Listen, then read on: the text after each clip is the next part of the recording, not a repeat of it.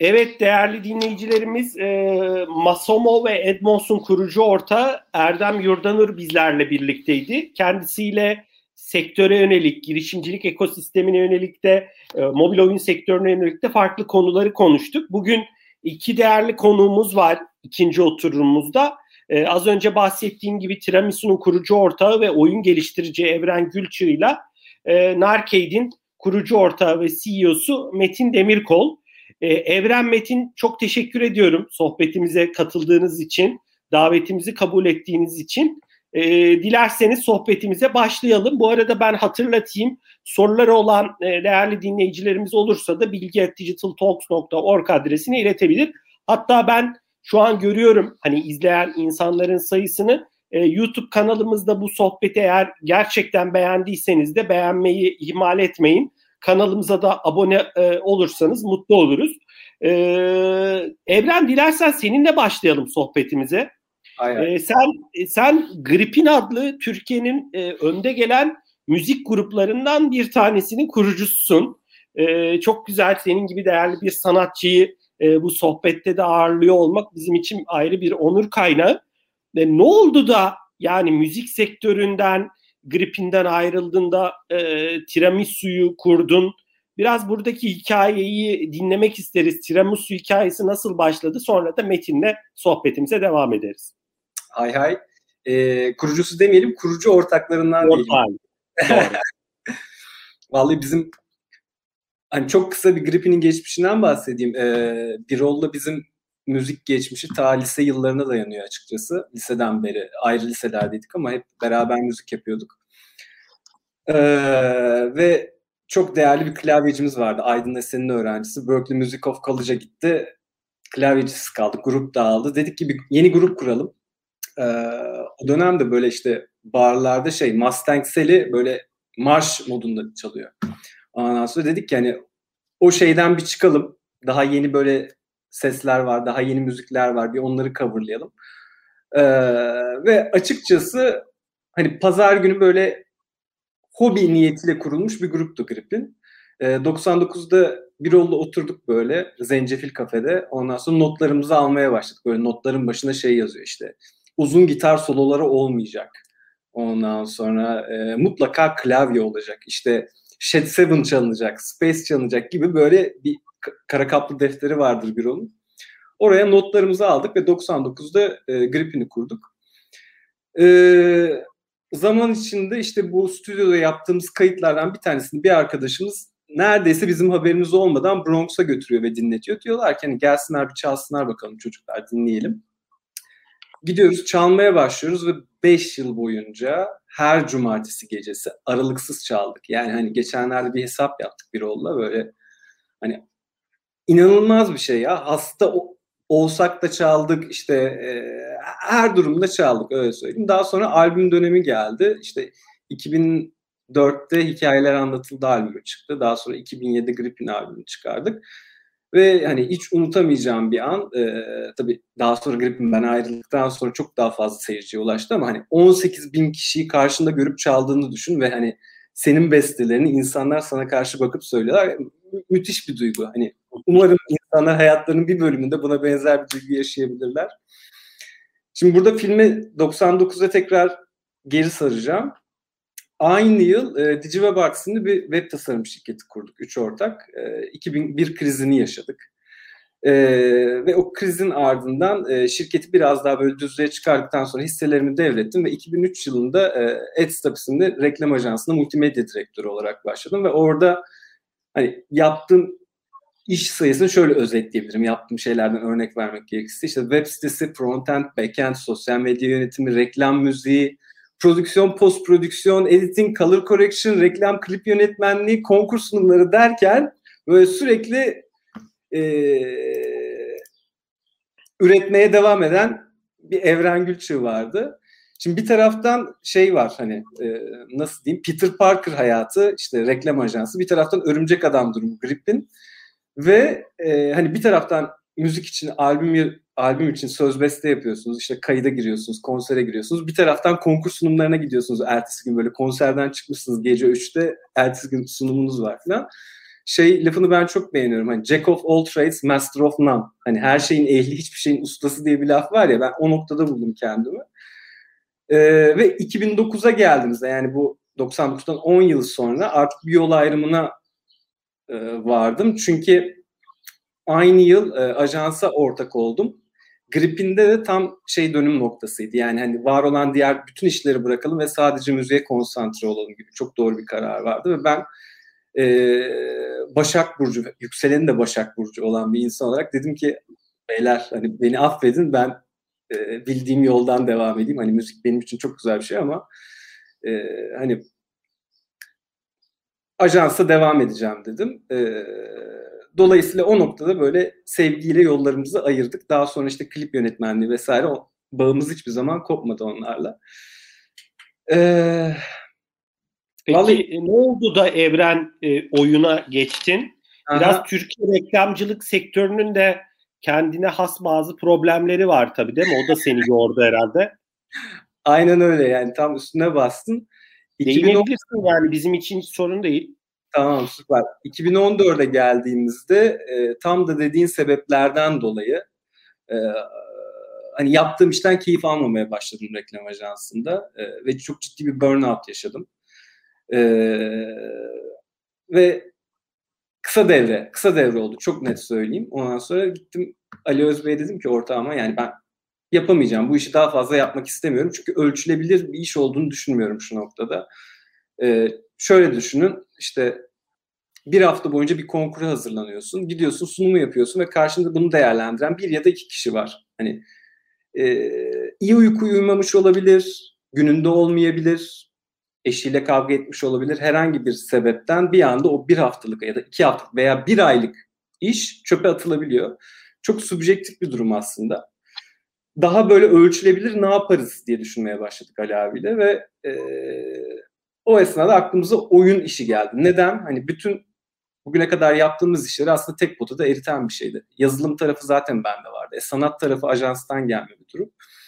Ve e, aynı sebeplerden yaklaşık 6 ay önce benden önce istifa eden e, kreatif direktörümüz vardı Can.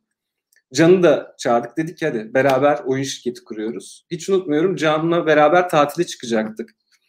Ben böyle tabii konuyla ilgili hiçbir şey bilmiyorum. Yani oyun, yazılım vesaire konusuyla ilgili. Ee, yazılım geçmişim var ama mesela C Sharp bilmiyorum, Unity bilmiyorum. İki tane kitap aldım yanıma şu kalınlıkta. Bir tanesi Unity ile nasıl oyun yapılır, bir tanesi de C Sharp. Ve ben tatil boyunca yanımda bilgisayar olmadan bu kitapları okudum. Döndük. E, 3-4 tane uygulama yaptık hızlı hızlı. E, pek başarılı olmadılar. Daha sonra dedik ki yani bizim reflek e, şeyden reklamdan gelmem gelme bir refleksimiz var. O da şu önce bir şeyi araştırıyoruz. Yani hani işin stratejik boyutu, e, piyasa araştırması. Dedik bu oyunların neyle arıyorlar? En hangi keywordler aranıyor diye araştırdık ve 10 tane keyword'ü böyle listeledik. 3 tane keyword seçtik içinden. Zombi, e, drive ve kill. Tamam dedik bu üçüyle birlikte ne yapabiliriz? Nasıl bir oyun yapabiliriz? Bir tane oyun yaptık. Zombi Drift diye. Drift yapıyorsunuz arabayla. Drift'i bilmeyenler için şöyle anlatayım. Hani yanlama dediğimiz hikaye. Türkiye'de sıklıkla davalarla sonuçlanan, düğün sonunda böyle aşırılıkla sonuçlanan bir hikaye ama dünyada formülası vesairesi olan çok geçerli bir yarış türü. E, drift yapan bir arabayla zombi eziyorsunuz. E, oyunun indirmeleri inanılmazdı. Fakat puanı korkunç, kullanıcı yorumları korkunç, retention korkunç. Dedi ki bir şeyleri doğru yaptık, bir şeyleri yanlış yaptık ve yanlış yaptığımız şeyi bulduk. Aslında oyunu yaparken biz de bütün level'ları geçemiyorduk. Asla hani buradan oyun yapmak isteyen arkadaşlara en büyük tavsiyem kendi oyununuzda level'ınızı geçemiyorsunuz. Kimse geçemeyecektir. Burası bu kadar net. E, ve dedik ki hani zombi ile kill tarafını ayıralım. Sadece drift'te kalalım. Şimdi drift'in şöyle bir özelliği vardı baktığımız zaman. Rekabete baktık ve çok fazla yarış oyunu vardı ve çok kaliteli e, yarış oyunları vardı. Büyük stüdyoların çıkardı. Fakat drift o kadar niş bir kategori ki büyük stüdyolar daha bunun farkında değildi ve e, piyasada olan diğer drift oyunları grafik anlamında çok kötü, performans olarak çok kötü oyunlardı. Dedik burada parlayabiliriz biz. Ve hakikaten e, böyle hani çok cilalı ve performansı iyi oyunlar yapabilir miyiz diye yola çıkıp 2015'te Drift Max diye bir tane drift oyunu çıktık ve bizim ilk başarılı oyunumuzdu açıkçası. organik olarak inanılmaz ilerledi. Puanı da gayet iyiydi. Ardından e, Drift Max'in çeşitli varyantlarını çıkarmaya başladık ve 2017'nin sonuna geldiğimizde Drift Max Pro adını verdiğimiz ve hala bizim amiral gemimiz olan oyunu çıkardık. E, oyunu çıkardık. Alpha stage'ine koyduk. Cuma günü koyduk. Pazartesi döndük. 1 milyon download. Alfa'da daha yani beta'da değil oyun. Dedik tamam burada doğru bir şey yapıyoruz. Hemen bunu geliştirmeye devam edelim. Ee, ve reklam yapmaya başlamadan önce oyun organik olarak 50 milyon download'a ulaşmıştı. 4.7 pu- e, puan ortalaması vardı her iki markette de 5 üzerinden. 50 ve, milyon. Evet yani bu reklam yapmaya başlamadan önceki hikaye. 2019 ortasında biz reklam vermeye başladık. Yani 2019'a kadar reklam vermedik. Şu anda finalde 130 milyon toplam indirmeye ulaştı aşağı yukarı. Yani onu geçmiştir muhtemelen. Aylık 5 milyon aktif kullanıcımız var drift oyunlarımızda. Ve yani drift kategorisinde hatır sayılır bir yere ulaştık. Evren Şimdi, şu an kaç oyununuz var drift kategorisinde toplamda?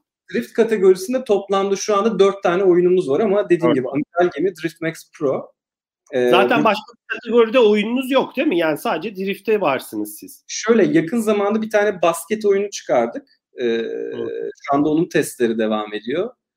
Ee, ama hani dediğim gibi asıl uzmanlık alanımız drift ve araba yarışları diyebiliriz. Şimdi Metin'e topu... Erdem, Erdem abilere yoksa rakip mi oluyorsunuz kafa topunda? Yok yok olmayız. Farklı. Bu biraz daha uh, idol kategorisi diyebileceğimiz bir şey basket. Okeydir. Ee, ee, çok teşekkürler Evren. Ee, buyur dinliyorum. Şimdi Metin'le tanışıklık hikayemize geleceğim. Topu ona atacağım. Ee, tamam. Ee, 2017 idi galiba. Bir tane böyle Google Play'in e, konuşmasına katıldık biz. Konuşmamızı yaptık. Orada da şeyden bahsediyoruz. Hani biz hiç reklam yapmadık bugüne kadar. Açıkçası yani yapmayı da bilmiyoruz ama organik olarak büyüdük. O hikayemizi anlatıyoruz.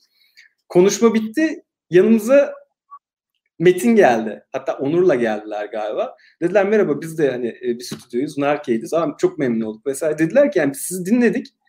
Ve e, hani bu reklam konusunda biz size yardımcı olmak isteriz. Eminiz daha karlı olacaksınız vesaire ve biz Can'la onlar ayrıldıktan sonra birbirimize bakıp şey dedik. Yani ajans sektöründen geliyoruz. Ajansta böyle bir şey mümkün değil Türkiye'de. Yani herkes böyle en yakın arkadaşın olsun yemek masasına oturduğunda kimse müşterisinden bahsetmez. Dedik hayırdır ya yani bu adamlar ne diyorlar böyle ve dostluğumuz öyle başladı. Ondan sonra da çok güzel devam etti. Hem metinler sayesinde hem de Erdem abinin Edmos ekibi sayesinde biz reklam yapmaya başladık ve e, bugün var olduğumuz noktaya ulaştık diyebilirim. Topu da Metin'e atmış olayım böyle. Çok teşekkürler Evren. E, Metin'e geçmeden e, sizin de yine yine purchase var değil mi? Yani uygulama içi satın alma ve reklam değil mi? İki gelir Aynen. kaleminiz. Tamam. modeli var aynı şekilde. Detaylarına zaten giriyor oluruz. Metin e, Evren gerçekten topu sana güzel attı. Dilersen ben hiçbir şey söylemeyeyim. Sen direkt başlayabilirsin. E, Narcade'in hikayesini dinlemek isteriz senden. Tamamdır. Ee, ben de gireyim. Evren teşekkür ederim. Attığın bu klas pas için. ee, yani biz şirketi 2011 yılında kurduk. Aslında bayağı eski yani mobil oyun sektörü için e, çok eski hatta böyle çok e, iyi bir şey değil yani o kadar eski bir şirket olmak. Normalde mobil oyun şirketiyseniz hemen 2-3 yılda patlamış olmanız gerekiyor.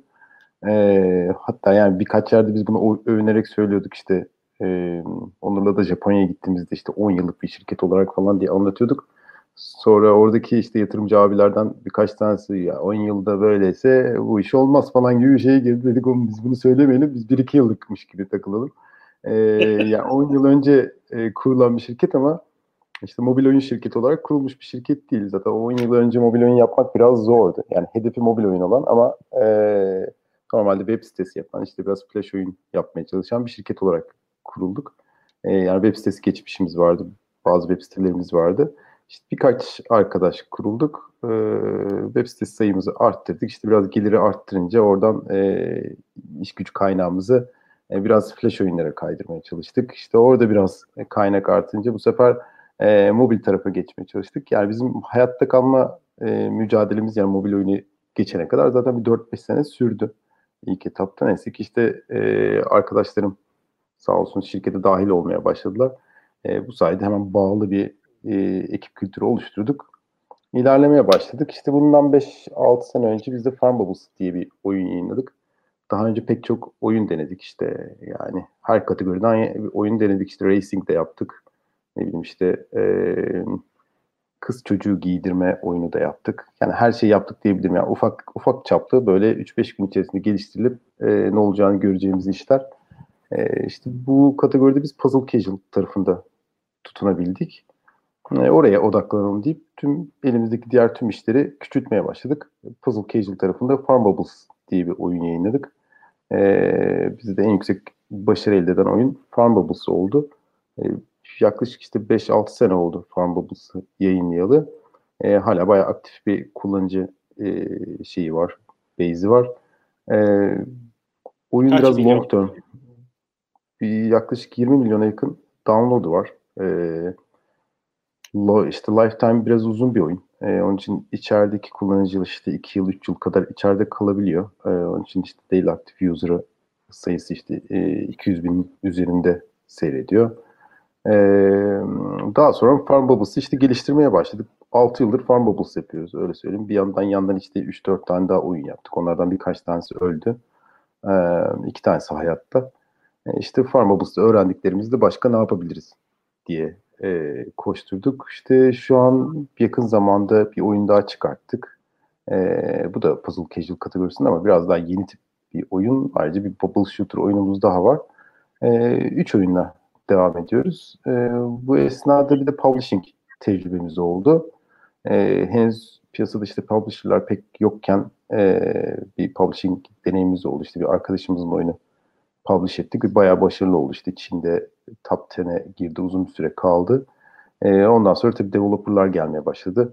E, o dönem 2-3 oyun daha yayınladık. Onlardan da bir kısmı da işte US'de top 10'e soktuğumuz oyunlar oldu. Daha sonra publishing piyasası karışınca o kategoriden çıktık. Yani şu an publishing e, için bir çabamız yok ama işte gelen arkadaşlarla da görüşüyoruz işte. Yani yapabileceğimiz bir şey varsa, konu hakkında bir tecrübemiz varsa.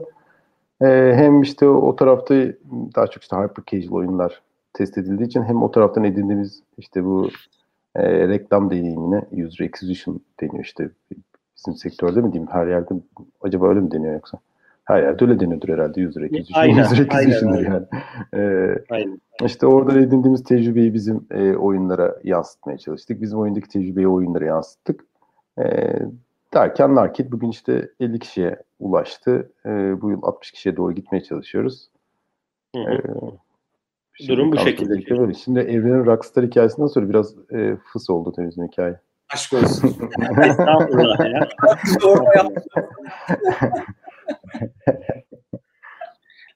Çok teşekkürler Metin. Ben aslında bu soruyu ikinize yönelttim. Erdem abiye de sormuştum ama bence bizi izleyen ve bundan sonra izleyecek olan kullanıcılar, e, dinleyiciler için önemli. E, mobil oyun dünyasında başarıyı yakalamanın ipuçları sizce neler? E, işinizi yaparken iki girişimcisiniz. Yani ekipler var, kurucu ortaklar var vesaire. Karşılaştığınız en büyük zorluklar ne oluyor? Bunları aşmak için neler yapıyorsunuz?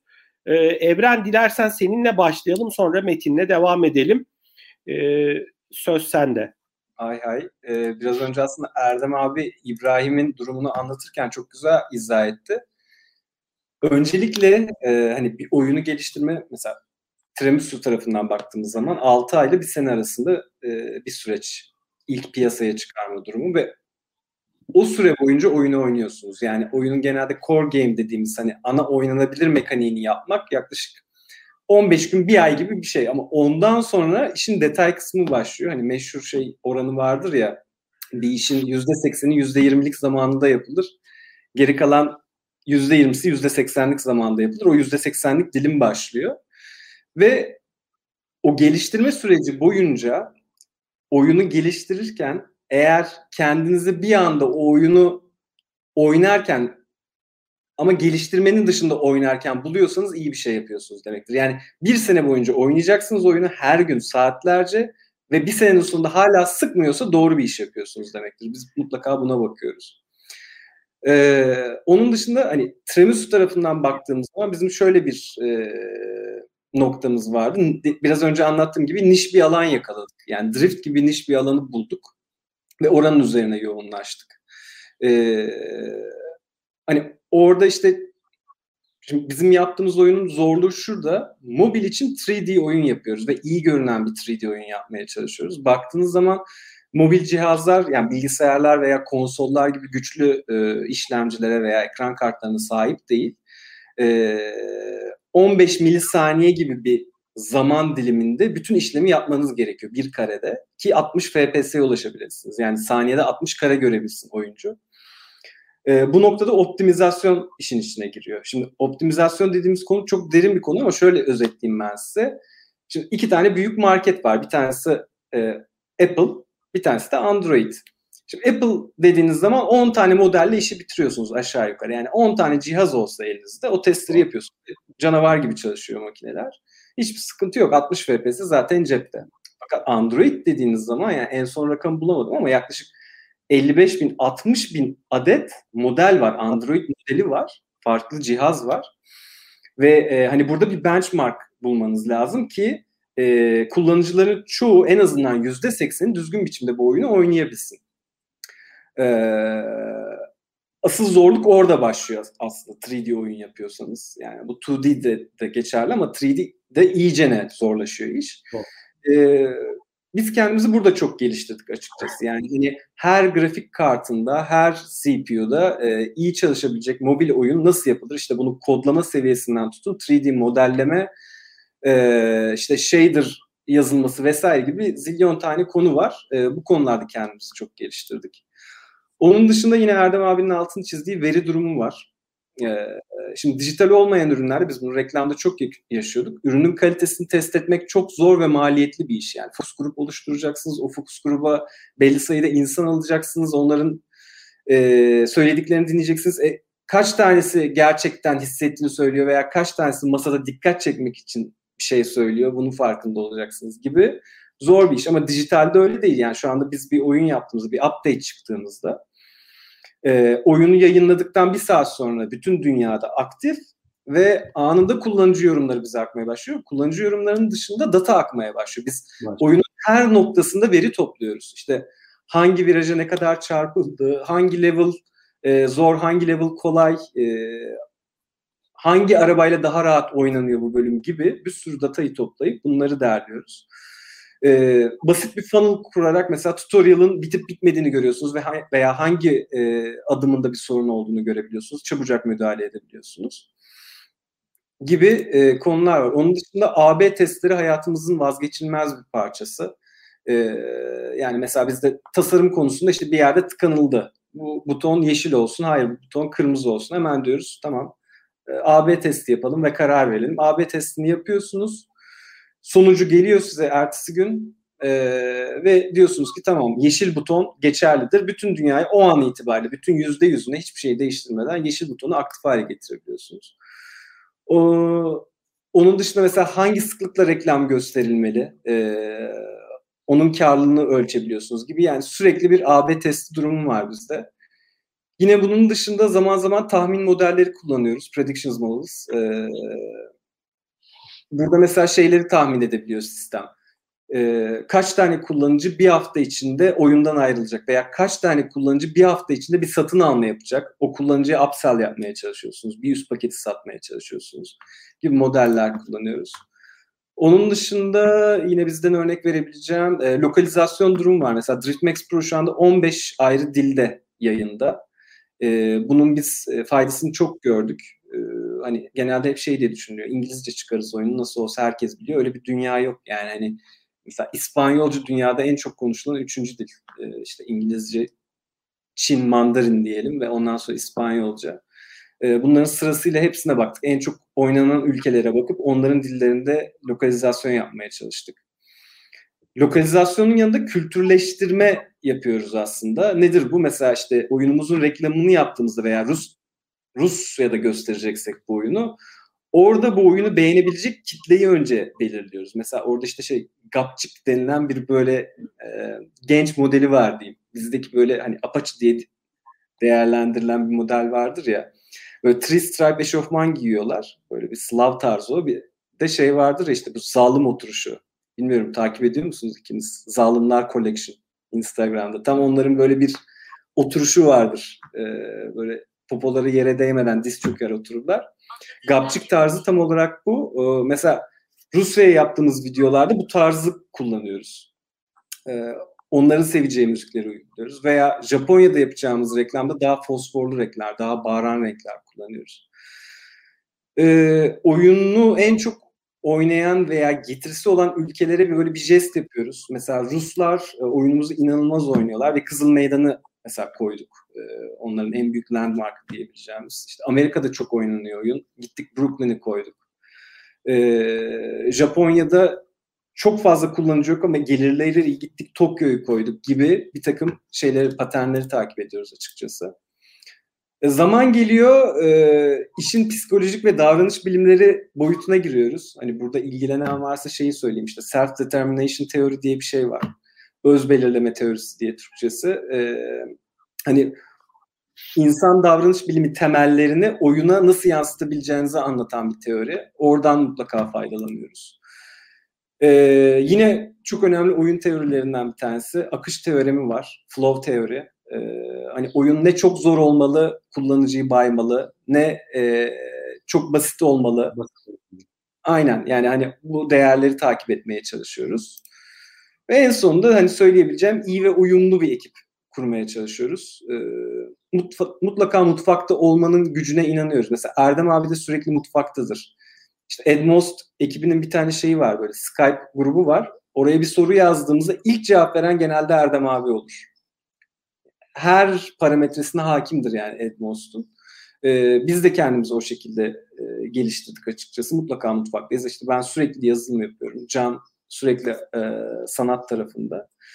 Bilgiyi içeride ve dışarıda paylaşıyoruz. Yani bunu Metin de anlatır. E, ikimiz de TOGET üyesiyiz ve bugüne kadar hem TOGET'le hem özellikle Narket'le paylaştığımız, karşılıklı paylaştığımız bilgi e, inanılmaz fazladır ve bize çok şey kattığını düşünüyorum. Ve son bir şey söyleyebilirim. O da şu, hani ürün yayınlanana kadar evet ürününüze aşık olun ama yayınladıktan sonra tutmuyorsa hemen o aşkı bitirin. Hani orada biraz nankör olmak gerekiyor. Körü körüne aşık olduğunuz zaman e, o sizi çok karanlık bir noktaya götürebilir. Biz bunu gördük. Yani çevremizde gördük. Hiçbir zaman biz uygulamadık ama e, ürün başarılı olmadığı zaman tak diye öldürebiliyoruz. Yine bu bizim noktalarımızdan biri diyebilirim. Çok teşekkürler Evren. Değerli paylaşımların için. Erdem abinin de ilk oturumda paylaştıklarının üstüne farklı bakış açıları ortaya koydun. Çok teşekkürler. Metin sen neler söylemek istersin? Senin yorumların ne olur acaba? Yani şimdi Erdem abiyle Evren'in e, anlattıkları herhalde kitap oldu şu an. Net bence ipuçları, mobil oyun e, şirketin ipuçları diye. Neredeyse bir şey kalmadı bana da. E, ben hani genel olarak en azından yüzeysel toparlayayım bunları. E, genel yani her ticari olay için bir kuraldır büyük ihtimalle. E, temelde kaynağın doğru zamanda, doğru miktarda, doğru şeye kullanılması e, ana hedef. Yani bu hem e, maddi kaynağın hem e, iş gücü kaynağının. E, bunu doğru yönlendirmek gerekiyor. Bu da çoğunlukla bizim tarafta işte verilerle a, anlamaya çalıştığımız e, bir şey. Yani e, elinizdeki işte para ve iş gücü kaynağı ki bu en önemli iki varlık içeride bunun ne zaman, nereye, ne kadar aktarılması gerektiğini dataları okuyarak doğru şekilde e, analiz etmek yani hani ticari olarak bir oyun şirketini başarıya götürecek en temel e, faktör büyük ihtimalle. E, biz de o yönde işte özellikle bir yoğun bir çabamız var. İşte bir business intelligence ekibimiz var, data ekiplerimiz var. İşte user acquisition ekibimiz e, oldukça kalabalık. E, finans ekibimiz oldukça kalabalık. Yani bir şekilde doğru zaman doğru yatırımları e, yapmaya çalışıyoruz. Yani orada ne kadar e, tutturabilirseniz doğru zamanlamayı e, o kadar hızlı büyüme gerçekleştiriyorsunuz. E, bunun dışında bence en önemli diğer şey de doğru ekiple. Yani doğru insanların bir araya gelmesi, işte ekibin motive olması, e, birbiriyle çalışmaktan e, haz oluyor durumda olması e, bence başarı getiren en önemli faktör. Şayet burada eğer KPI'leri okuyabiliyorsanız, datayı okuyabiliyorsanız yani işte önünüze bir sürü rakam geliyor. E, her taraftan her datayı okuyabiliyorsunuz ama bunları yorumlamak ciddi bir mevzu. Yani işte bir AB testi yapıyorsunuz, bakıyorsunuz bir köşesine diyorsunuz ki A süper, tamam daha fazla para kazandırmış o zaman B'yi öldür A'dan git ama belli bir zaman sonra e, fark ediyorsunuz ki aslında orada bak, baktığınız bir parametrenin dışında daha 50 parametre alttan hareket etmiş ve uzun vadede aslında B A'ya göre çok daha iyi. E, onun için e, yani veriyi yorumlamak, anlamak, ona göre bir strateji üretmek. E, kontrol kontrol grubunu sağlıklı tutmak. Tabii kontrol grubunu sağlıklı tutmak. Buradaki başarıyı başka bir e, yani şimdi hani e, başarının ipuçlarını vermeye çalışıyoruz. İşte biz başarılı bir oyunumuz var. Biz dedik bu başarılıysa bundan bir tane daha yaparız. O da başarılı olur diye düşündük. Yani benzer KPI'lerle çıkartırsak e, mantıken öyle olması gerekiyordu ama öyle de olmuyor. Yani e, çünkü orada baktığımız KPI'ler aslında tam başarıyı getiren KPI'ler değilmiş. Bir de görünmeyen e, veriler var. E, yani kullanıcıyı oyunun içine bağlayan duygusal faktörler de çok fazla. Çünkü e, oyun dediğimiz şey yani biraz hormonların e, hormonlarla ilgili bir konu. Yani kullanıcının hormonlarıyla oynuyorsunuz. Bir işte bir sinirlendiriyorsunuz, heyecanını arttırıyorsunuz, sonra sakinleştiriyorsunuz falan. Bir noktada bir para da e, gelir de elde etmeniz lazım. İyice sınırları zorlamanız lazım. E, onun için duygusal bir durum olduğu için e, her şeyin datasını da anlamanız zor. E, orada işte işin içine sanat, Doğru. belki müzik, e, ses efektleri her şey giriyor. İşte belki oyunun teması, yani bizim oyunun teması e, işte şey var, tavuklar var. Anne tavuk var, baba tavuk var, yavrular var. İşte gözyaşlarıyla yavrular aşağı düşür, düşerken onları kurtarmaya çalışıyorsunuz. Yani orada o işte tavuk değil de ne bileyim eşek düşse aynı etkiyi yaratmıyor. Öyle Yaratmaz. bu arada ekipte Metin Evren psikolog falan var mı? Hani madem bu kadar duyguların olduğu bir yer söz konusu. Evren sesin kısık e, abi. Pardon. Ben, ee, sürekli bir takım yayınları takip ediyoruz açıkçası. Hı hı. Hı Ama yani psikolog yok. Psikolog yok ama biz biz kalabalık bir biyoloji ekibiyiz ya. Ben biyoloji mezunuyum. E, işte kurucuların yedisi de biyoloji e, mezunu. Psikolojiden anlamıyoruz ama hormonlardan biraz anlıyoruz. Hormon. çok çok teşekkürler. Metin biraz dilersen seninle devam edelim. Sonra Evren'e aynı soruyu yöneltiriz. Ee, sizin ajandanızda neler var şu an? Hani öncelikli konular neler? Ee, biraz oralara değinme şansın olur mu? Tabii. Yani şu an dediğim gibi işte bizde e, elimizde 3 oyun var. Bir tanesi aşırı güçlü. E, bir de yayınladığımız son oyunumuz var. Yani bir sene oldu fakat hala test sürecinde denilebilecek bir düzeyde gidiyoruz. E, işte 50 kişilik ekip hatta bir de outsource'larla desteklenen bir ekip e, ekibimiz.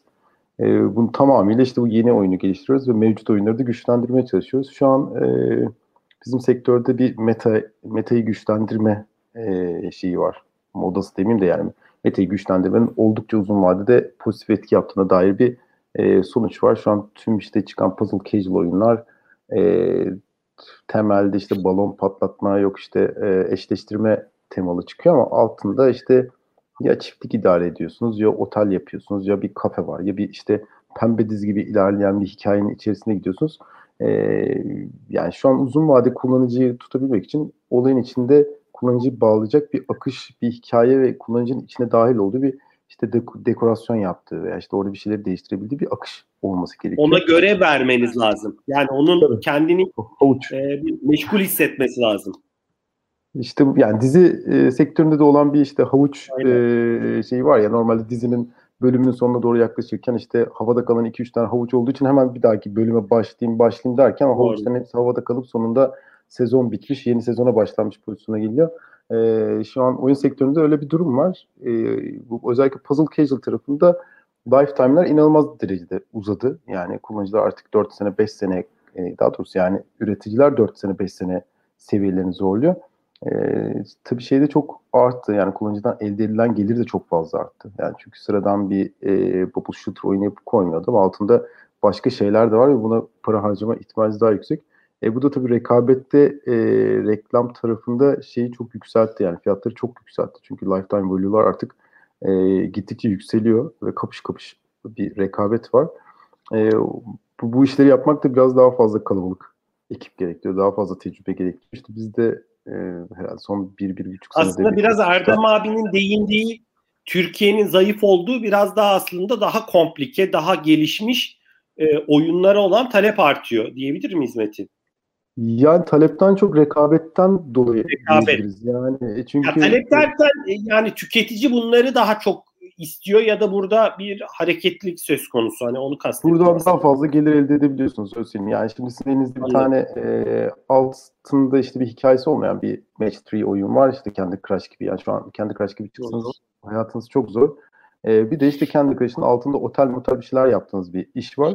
E, bir tanesinin lifetime value'su işte 1-2 dolarda kalıyorsa Amerika'da diğerininki Hı-hı. işte 3-4 yılda belki 10 dolara 15 dolara kadar çıkabiliyor. Onun için ikisi de aynı yerde reklam verme mücadelesi verdiği için e, diğeri Doğru. çok daha e, yüksek fiyat verebildiği için e, reka, rekabet de aşırı öne geçiyor.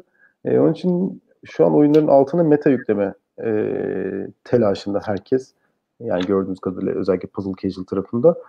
E, biz de o telaştayız. Şu an işte oyunların altını güçlendirmeye çalışıyoruz. Long time, e, long term işte retention'ları arttırmaya çalışıyoruz. E, işte elde ettiğimiz geliri arttırmaya çalışıyoruz ki işte bu fiyat rekabetinde biraz daha öne çıkabilelim. Daha fazla kullanıcı edinmesi sağlayabilelim. E, onun için işte ekibi e, oldukça kalabalıklaştırdık. E, işte bir buçuk senede 20 kişi daha eklendi. İşte bir e, bu sene içerisinde bir 10 kişi kadar daha ilerlemeyi düşünüyoruz. E, işte mevcut 3 oyunumuzu güçlendireceğiz. Şu an kısa vadedeki hedefimiz bu. Çok teşekkürler. Çok, çok teşekkürler Metin. Ee, çok değerli içgörüler paylaştın bizimle. Ee, Hadi. Bu arada sesim yankı yaptığı için senin mikrofonunu Metin kıstım. Ee, belki benden kaynaklanıyordur bilmiyorum. Evren biraz sana dönelim. Tiramisu'nun ajandasında ne var? Neler yapıyorsunuz? Hani metinler e, bahsetti e, oyunların içeriğini, arka tarafını güçlendirmek e, ana şu an strateji. Sizde ne gibi öncelikler var? Ben sözü sana bırakıyorum. Vallahi Ocak ayıydı galiba. Ocak ayı itibariyle bir karar aldık ve dedik ki hani özümüze geri dönelim. Ee, yani Drift Max World'dan sonra e, Drift'te bir süre ara verdik. Biz başka başka şeyler de denemeler yaptık açıkçası. Hani e, işte bir idle denemesi yaptık. Ondan sonra puzzle denemesi yaptık vesaire. Fakat e, bu Ocak ayı itibariyle dedik ki yani bizim uzmanlık alanımız çok belli ve hani macera aramaya gerek yok. E, ve bugüne kadar yaptığımız en kapsamlı, en büyük yarış oyununu yapalım. E, hani yarışın altını çiziyorum çünkü bu sefer driftin yanında başka kategorileri de ekliyoruz. E, ve Ocak ayında buna çalışmaya başladık. E, Eylül'de soft launch planlıyoruz biz de. E, hani şu anda nihai hedefimiz e, bu oyunu bitirdiğimizde sadece drift kategorisinde değil ama dünyadaki e, işte diğer e, büyük e, yarış oyunları yapan büyük stüdyolarla birlikte e, aynı yerde adımızın anılması açıkçası. Bizim de kısa ve orta vadeli planlarımız bunlar diyebilirim. Yeni yarış oyunumuza şu anda çok odaklıyız. Ozan senin mikrofonun mute şu anda. Ben Tamam doğru. çok teşekkürler Evren. Haklısın. E, bu arada sizlere yani sana da e, e, metinlerin ekibine de başarılar dileriz. E, burada biraz e, Türkiye oyun, mobil oyun sektörünü nasıl görüyorsunuz? Yani kimi tespitlerde bulundunuz ama genel olarak e, biraz pazarı nasıl görüyorsunuz? Bir de ben Erdem abiye şeyi iletmiştim. Hani Türkiye'den başarılı oyun şirketleri çıkıyor. Erdem abi de bunu bu kadar abartmamak aslında çıkmasının normal olduğunu, diğer sektörlerde e, durumun e, kötü olduğu için göreceli e, bir parlama olduğunu söyledi. Sizin bu konudaki yorumlarınız ne olur? E, Metin dilersen seninle başlayalım sonra Evren'in yorumlarını alalım. Tamamdır. Ee, yani ben tabii çoğu sektöre göre e, oyun sektörünü başarılı buluyorum Türkiye'de. E, yani Erdem abinin söylediği gibi çok da abartmaya gerek yok ama e, yine de çok kısa zamanda e, bir şekilde olgunlaşmış e, işte yatırımların çoğunu son bir iki senedir toplayan e, ana sektör şu an teknoloji tarafında. E, ve hızla da işte ilginin arttığını görüyoruz. Hem yani işte işe başvuran sayısı artıyor. Tabii donanım insan sayısı biraz e, az olmakla birlikte e, şirket sayısı artıyor. işte yatırım miktarı artıyor. Bize yatırım teklifleri gittikçe artmaya başlıyor. İşte yabancı e, yatırımcıların, Türk yatırımcıların parasını bu tarafa akıtmaya dair ciddi bir hevesleri e, olmaya başladı. Yani normalde e, aslında işte çok ciddi değerlerle satılan e, oyun şirketlerinden işte Türkiye'deki büyük holdinglerin hiç haberi yoktu. İşte şimdi satıldıktan sonra haberler olmaya başladı.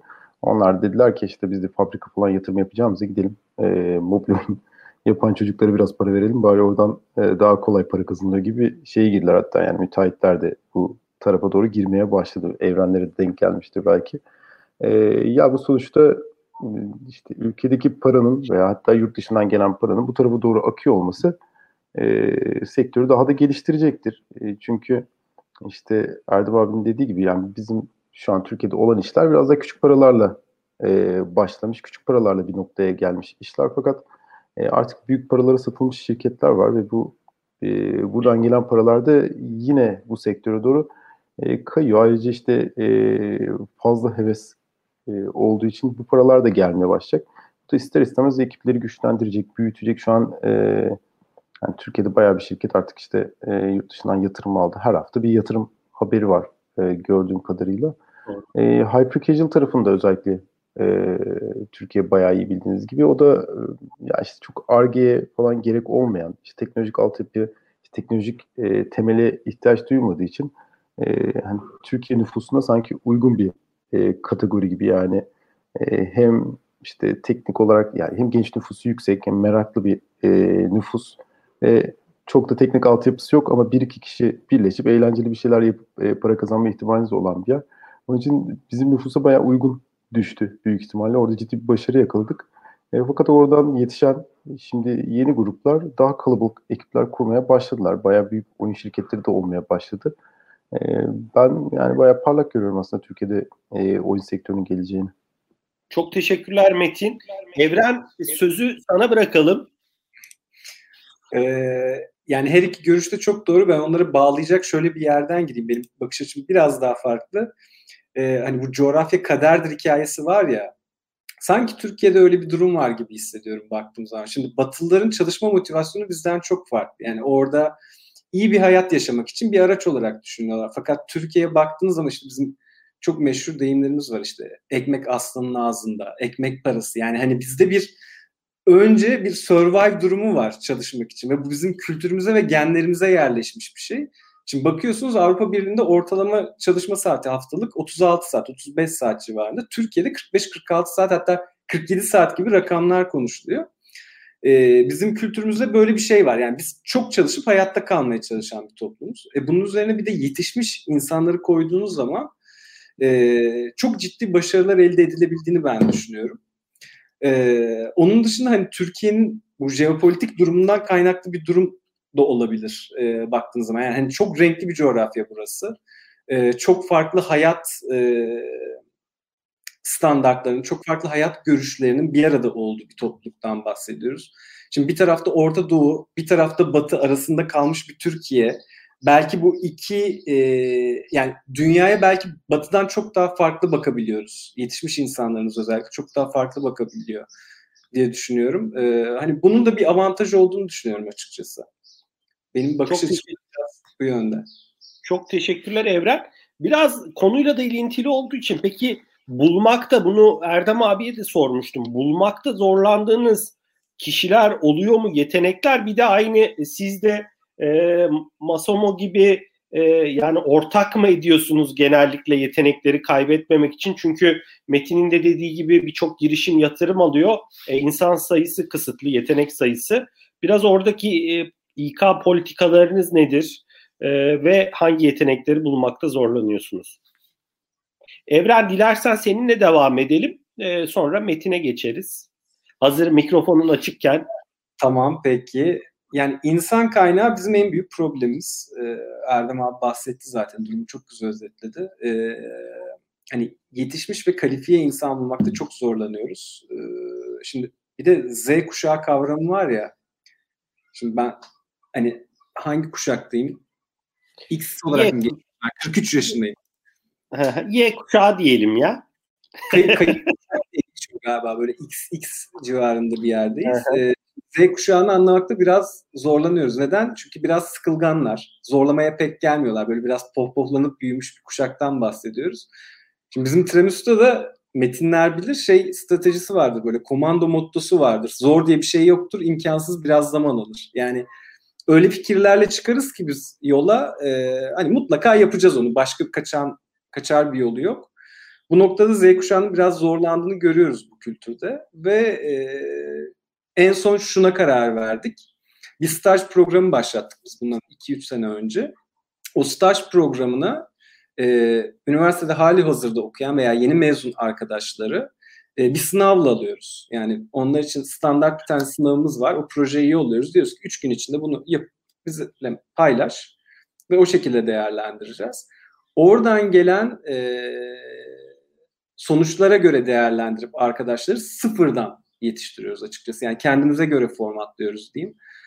Ee, çok ciddi bir e, know-how paylaşımımız var bizim içeride. Yani hani karşılaştığımız her sorunun işte e, her türlü optimizasyon e, çözümünün yer aldığı işte bir confluence alanımız var. Oraya herkes sorununu ve çözümünü yazıyor mutlaka. E, çok ciddi bir eğitim ortamımız var diyeyim içeride. E, hem mühendislik anlamında hem art anlamında. E, dolayısıyla kendimiz çözmeye başladık biz bu işleri. Hani bir de e, hani yeni arkadaşları tavsiye edebileceğim bir iki bir şey var. Mesela artık bilgiye ulaşmak o kadar kolay ki işte mühendis arkadaşlar, bilgisayar mühendisi ya da yazılım mühendisi. Mesela ben inşaat mühendisiyim, hiç alakam yok ama yani mühendis e, kökenli arkadaşlar girsinler Unity'nin sitesinde o kadar çok tutorial ve o kadar çok eğitim videosu var ki onları bitirdiğiniz zaman zaten çok ciddi şeyleri başarmaya başlıyorsunuz. Onları inceleyebilirler. Evren Udemy dedin değil mi? Ee, Unity. Ha Unity, okey pardon. Evet, Unity tamam. e, hani oyun... Unity nedir abi? Hemen anlatayım. Unity dünyada en fazla kullanılan, özellikle mobil sektörde kullanılan oyun motoru. Ee, şu anda payı bildiğim kadarıyla %50 civarında olması lazım. Yanlışsam Metin düzelsin tamam. beni. Tamam. Ee, ve hani oyun motoru olmasının yanı sıra e, çok fazla başka alanlarda da e, oyun sektörüne girmiş vaziyette. Bizim kullandığımız oyun motoru da Unity ve hı hı.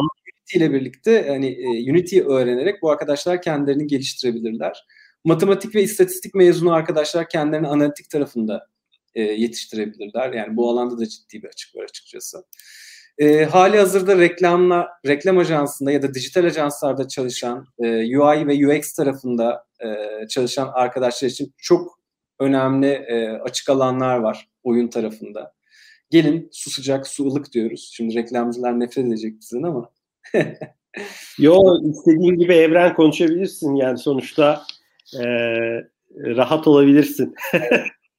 E, onları da aramızda görmekten mutluluk duyarız. E, ama e, yine Erdem abinin altın çizdiği bir konu var. Yani Z kuşağı ile de ilgili bir durum olabilir. Bilemiyorum. Ya da işte bu oyun sektörünün bu kadar popüler olmasıyla alakalı bir şey olabilir.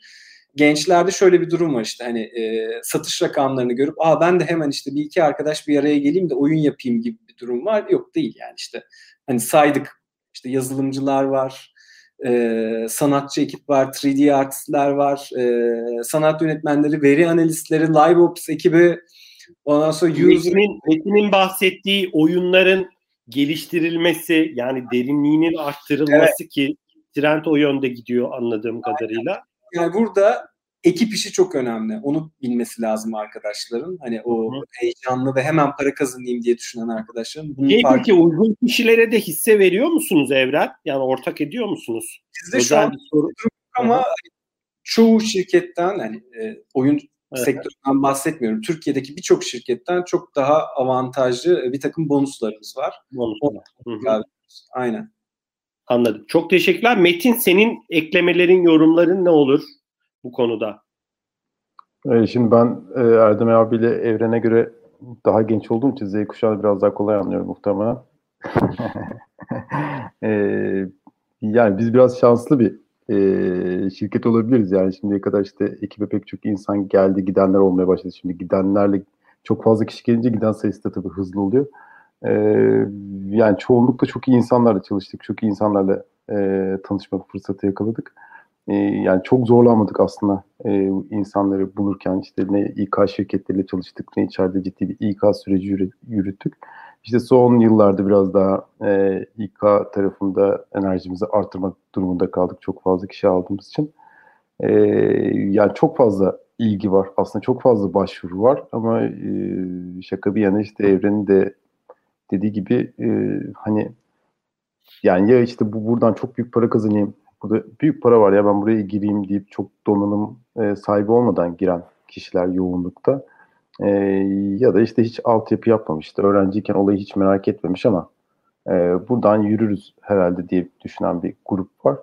E, o nedenle özellikle işte development tarafında e, ciddi bir bence insan kaynağı açığı var. Yani şu an bulmakta güçlük çektiğimiz bir e, alan o taraf. E, yani yurt dışında yani freelance çalıştığınız insanların kalitesine göre Türkiye'de kalite bir tık düşük. E, bir yandan da Türkiye'de rekabet şu an çok yükselmeye başladı. İşte şirketler yatırım bulmaya başladı. Bir yandan her tüm şirketler remote çalışmaya başladığı için e, direkt Amerika'daki şirket, Norveç'teki şirket, Türkiye'deki e, kişilerle çalışmaya başlayabildi.